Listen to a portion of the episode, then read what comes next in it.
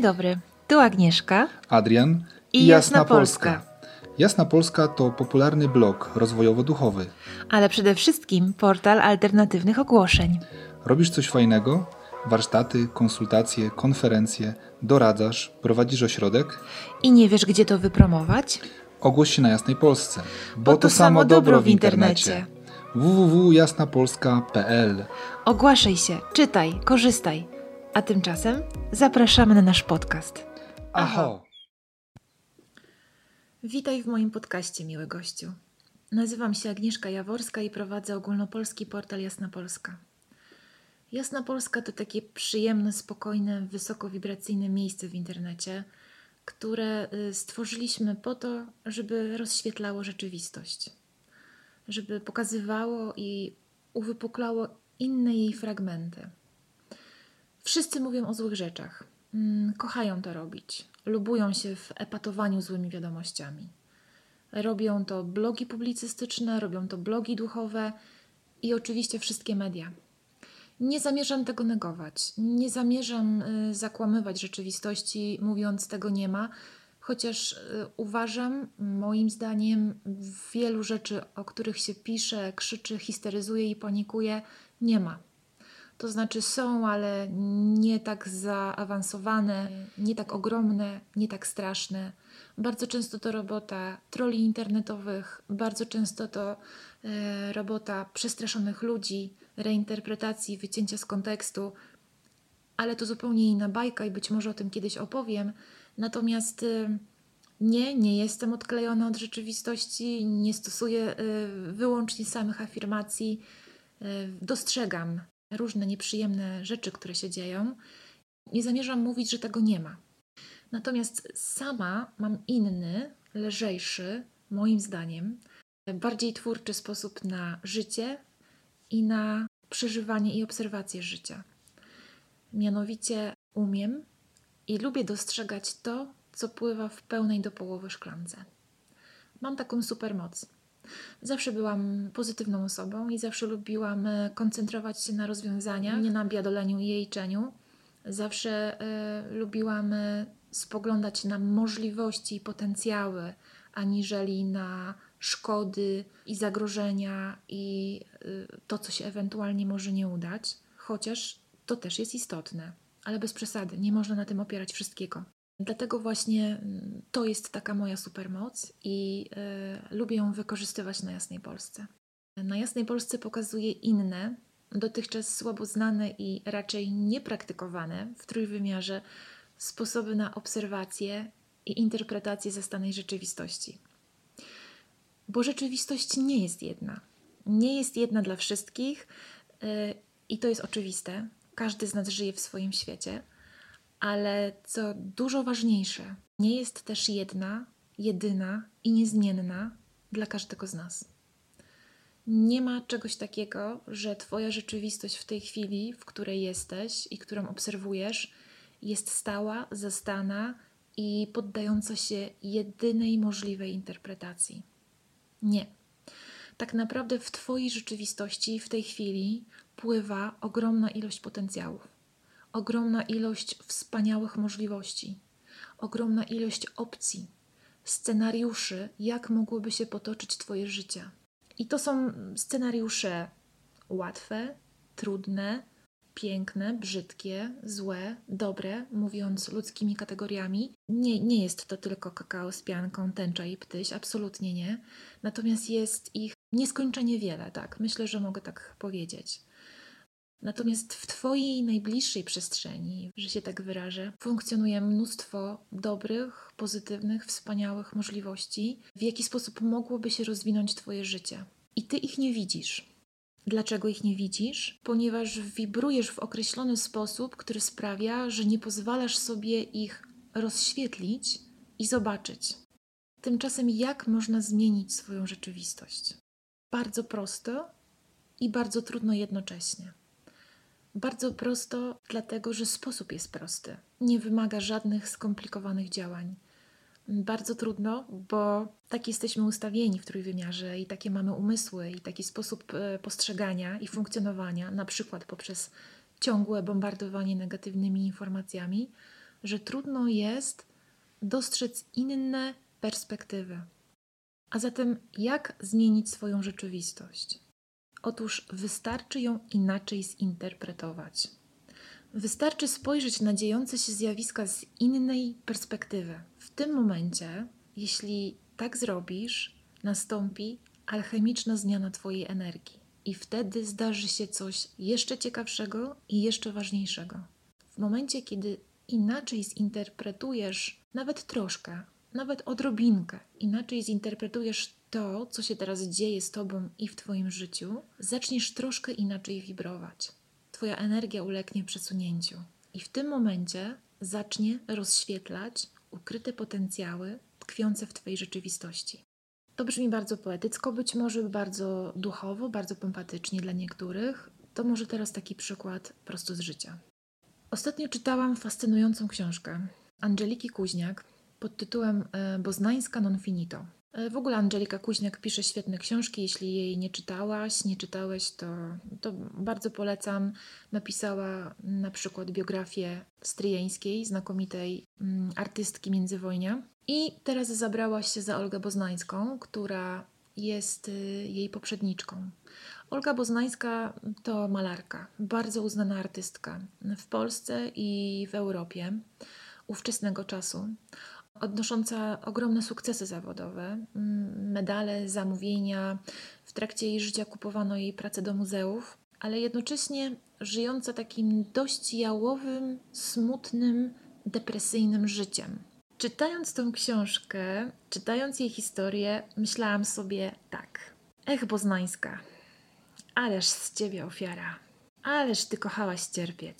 Mogłaś mieć wszystko: miłość, romanse, spokój życia, bogactwo. Mogłaś tak wiele zrobić dla Polski Boznańska. Otworzyć na 40 lat przed tym, gdy to się faktycznie wydarzyło, katedrę dla kobiet na ASP.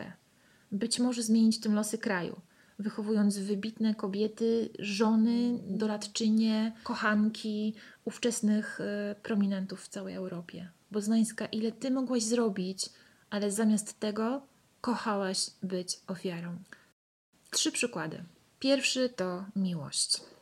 Olga Boznańska miała adoratorów i miała ich całe życie. Musiała mieć y, niezwykłą osobowość, ponieważ ze zdjęć y, powiedzmy sobie szczerze, nie była jakąś szczególną pięknością, ale z tego, co wynika z książki jak reagowali na nią mężczyźni, musiała mieć to coś.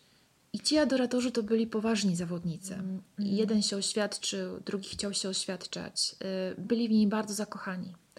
Sprawdziłam zdjęcia, sprawdziłam ich informacje. To byli przystojni, utalentowani, uwielbiający jej talent, ogarnięci życiowo, zarabiający na życie mężczyźni, przy których Olga mogłaby się czuć kochana, doceniana i, co bardzo ważne, w spokoju zajmować się swoją sztuką.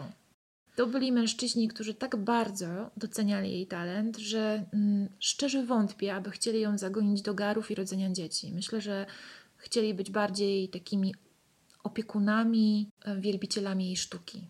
Myślę, że taką rolę chcieli odegrać w jej życiu. Tak przynajmniej czułam, czytając tą książkę. Zwłaszcza, że obaj byli artystami i mieli sukcesy. Co wybrała Olga? Najpierw wybrała dziwne, masochistyczne narzeczeństwo na odległość, polegające na tym, że on ją bardzo kocha i wysyła jej cały czas listy, a ona niestety nie, nie zachowały się jej listy do niego. Natomiast y, mam wrażenie, że budowała taką relację polegającą na przyciąganiu i odpychaniu. Przyciągała i odpychała tego zakochanego w niej nieszczęśnika, aż w końcu ten zdecydował się zakończyć tę męczarnię. Po kilku latach narzeczeństwa zdecydował się to zakończyć, ponieważ bardzo się już męczył i widział, że nic z tego nie będzie, że Olga ani nie przyjedzie do Polski, ani też nie zamierza się bardziej angażować. I co się wtedy wydarzyło? Olga bardzo cierpiała, bardzo, bardzo cierpiała. Co mi się pokazało? Czytałam tę książkę emocjonalnie, czytałam tę książkę z sercem, Pokazywało mi się dużo obrazów, dużo informacji w trakcie, dużo rzeczy, o których być może kiedyś też opowiem. Na razie tylko Olga. Co mianowicie, że Olga mogła mieć bardzo szczęśliwe życie prywatne i mogła je, co bardzo ważne, swobodnie łączyć ze swoim życiem zawodowym. Przy tych mężczyznach niczego nie musiałaby poświęcać. Ale co wolała? Wolała być samotną ofiarą. Samotną ofiarą, która poświęciła swoje życie, swoją kobiecość, y, swoje potencjalne związki na ołtarzu sztuki. Druga sprawa, drugi potencjał to praca, którą jej zaproponowano. Spotkało Olgę ogromne wyróżnienie.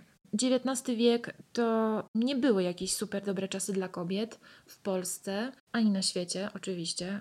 No, kobiety były bardzo, bardzo uwięzione w domach, w, w konwenansach, w gorsetach. Napisałam taki, moim zdaniem, bardzo ciekawy artykuł o Lucynie Ćwierczakiewiczowej, która była autorką znakomitych książek kucharskich. Możesz go znaleźć na Jasnej Polsce i pewnie wstawię linka gdzieś pod tym podcastem. Każdym bądź razie pamiętam z tej książki o Lucynie i też to zaznaczyłam w moim artykule, że kobiety były naprawdę niesamowicie wtedy skrępowane gorsetem obyczajów i nie mogły nawet same wychodzić na spacer na miasto ani zasiadać w kawiarni. Lucyna Ćwierczakiewiczowa, pierwsza prafeministka, dokonywała tych cudów. Siadała w kawiarniach mm, w towarzystwie mężczyzn i chyba i kobiet lekkich obyczajów, którym jako jedynym to pasowało manifestowała całą sobą, że kobiety też mają prawo do takich rzeczy. No więc jesteśmy w tej Polsce. Jesteśmy w tej Polsce, w której e, kobietom nic nie wolno. Kobiety walczą o to, żeby się w ogóle móc czegokolwiek uczyć.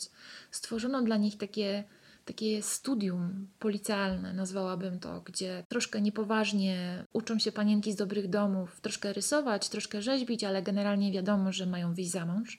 I w tym momencie gdzie nie ma w ogóle kobiet na polskich uczelniach i gdzie nie będzie ich jeszcze do dwudziestolecia międzywojennego bodajże, w tym momencie, w latach 90. XIX wieku, rektor krakowskiej akademii, która była bardzo konserwatywna, proponuje Oldze Boznańskiej utworzenie pierwszej katedry dla kobiet. Oczywiście rolę kierownika tej katedry i wykładowczyni na krakowskiej ASP. Pomyśl, co mogła zrobić Olga, przyjmując tę posadę bardzo, bardzo wiele. Zrobić dla siebie, to jasne, ale też dla Polski, e, dla miasta Krakowa, dla wszystkich osób z tym związanych. Pokazało mi się w trakcie tej lektury, że w tej katedrze wychowałaby już takie pierwsze pokolenie emancypantek, kobiet utalentowanych, wspaniałych artystek. Myślę sobie, ile talentów zostało zaniechanych albo zmarnowanych, ponieważ te wyrywające się do sztuki młode dziewczyny nie miały się gdzie uczyć. A tymczasem, gdyby Olga y, podjęła się tej pracy, jak wiele mogło się zmienić. Jak wiele takich kobiet y, wykształconych, pewnych siebie, mających sławę, mających pieniądze, mających autorytet w społeczeństwie, jak wiele mogło zdziałać później. Na przykład dla miasta Krakowa, na przykład dla miasta Warszawy, na przykład w Polsce po I wojnie światowej. Mogły nawet trochę zmienić losy świata, bo kobiety mają moc i potrafią zmieniać losy świata tylko trzeba dać im trochę tej siły. Nie, nie, nie dawać im siły, one mają siłę. Trzeba im rozświetlić potencjały, pokazać, że mogą, a wtedy już same znajdą sposób. I trzecia rzecz pieniądze. Olga miała majętnego tatę, który, może nie jakoś super bogatego, ale który utrzymywał ją i jej siostrę, a zatem nie cierpiała biedy. Mimo to, w ostatnim etapie jej życia, Boznańska w tej biedzie żyła do tego stopnia, że musiał się nią zajmować jakiś komitet y, przy ambasadzie, który zbierał datki na utrzymanie wybitnej polskiej artystki, która żyła jak nędzarz. Jak to jest możliwe?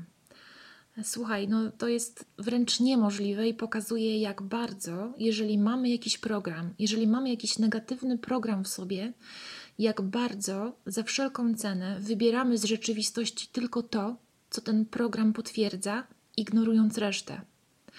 Olga otrzymywała pieniądze mm, po śmierci ojca, otrzymywała pieniądze z wynajmu kamienicy. Rozdawała je wszystkie biedakom, nędzarzom, żebrakom, kombinatorom, złodziejom. Sprzedawała swoje obrazy za pół darmo. W momencie, kiedy dostała odznaczenie od Polski, y, medal i bardzo wysoką nagrodę finansową, 5 tysięcy złotych i kiedy tych pieniędzy bardzo potrzebowała, bardzo szybko się ich pozbyła. Teraz nie pamiętam, czy je zgubiła, czy ktoś jej je ukradł. W każdym razie, tak jak przyszły, tak te pieniądze wyszły. Natomiast los, życie darowało Oldze ciągle kolejne prezenty na tacy. Natychmiast po tym wypadku, czy tuż przed nim, jakoś tak w okolicach, pojawiła się bardzo lukratywna propozycja ze Stanów Zjednoczonych zakupienia jej obrazu.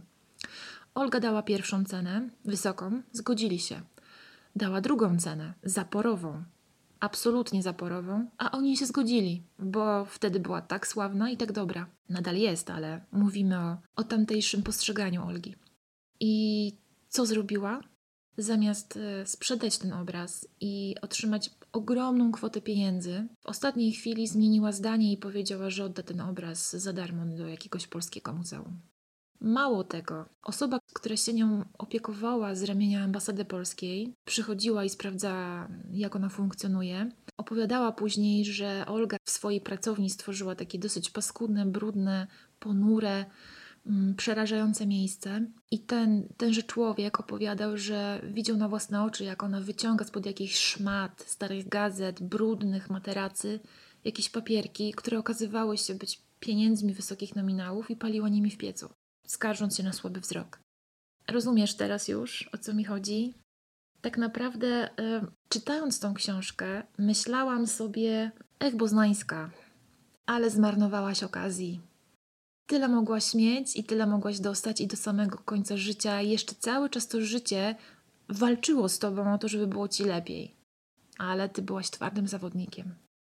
I wtedy zdałam sobie sprawę, że ja żyłam tak samo żyłam tak samo i że wszyscy tak żyjemy w trójwymiarze. Że w życiu przypomniało mi się, jak dostawałam kolejne dary od losu i odtrącałam je.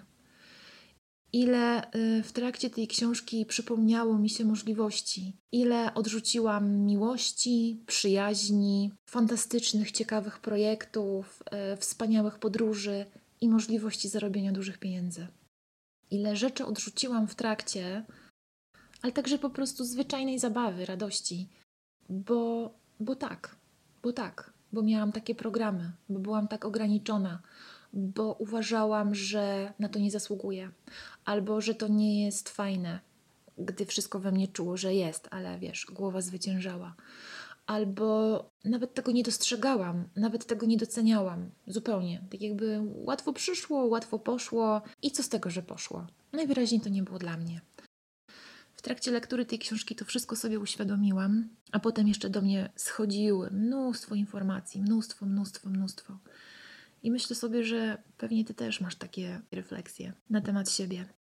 No właśnie, i to wszystko jest y, gwoli wstępu mm, do Jasnej Polskiej, do podcastów, które będziemy nagrywać, jeżeli będziecie chcieli ich słuchać. Miałam przedstawić Jasną Polskę, rozgadałam się, jeżeli w tle słyszałeś jakiś e, szum, to znaczy, że dobrze słyszałeś. Mieszkam przy dworcu i ruchliwej drodze. Także albo pociągi, albo samochody, mimo zamkniętych szczelnie okien. Także uznajmy to za urokliwy dodatek.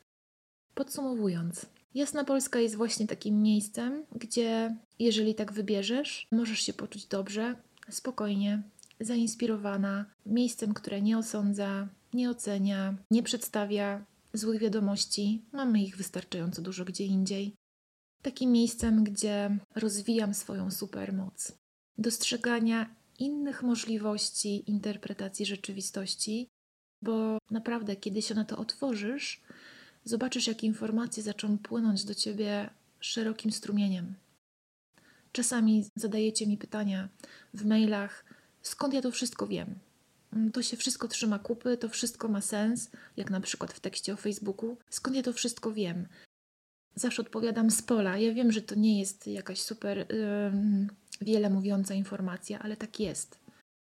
Gdy otwierasz się na inne możliwości, na inne fragmenty rzeczywistości, na inne jej kawałki, a one naprawdę istnieją.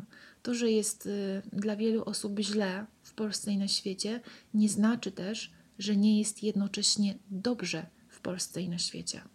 To zależy, gdzie spojrzeć, kogo posłuchać, czyje życie zaobserwować i na jakie dane zerknąć. To nie jest tak, że one się znoszą. One współistnieją. Wszystko współistnieje. Współistnieje każda rzeczywistość, na jaką wyrazisz zgodę i jaką wybierzesz przeżywać, doświadczać, obserwować, być świadkiem lub uczestnikiem. I Jasna Polska jest o tym, właśnie o tym. Dlatego już nie przedłużając, będę czytać moje artykuły dla tych, którzy mm, chcą posłuchać w biegu, w locie, w przelocie. I też czasami być może opowiem coś tak jak tutaj od siebie, od serca. Aha, i jeszcze jedno. Jasna Polska jest też miejscem do zamieszczania ogłoszeń. Zamieszczania ogłoszeń o sobie, o swoich kreacjach, o swoich działaniach, o swoich pomysłach na życie, o swojej działalności duchowej, rozwojowej, biznesowej, wszelkiej, naprawdę wszelkiej. Bardzo nie lubię towarzystw wzajemnej adoracji. Bardzo źle się czuję w ekskluzywnych grupkach i Jasna Polska jest wszystkim, tylko nie tym. Cały czas powtarzam, to miejsce dla wszystkich, którzy czują się tam dobrze. Nie musisz się jakoś strasznie rozwijać duchowo nie musisz być nie wiadomo jak pootwierany i uświadomiony. Absolutnie nie.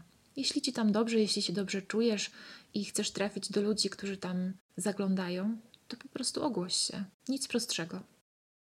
To wszystko na pierwszy odcinek. Zapraszam na kolejne. Pozdrawiam ciepło. Aga.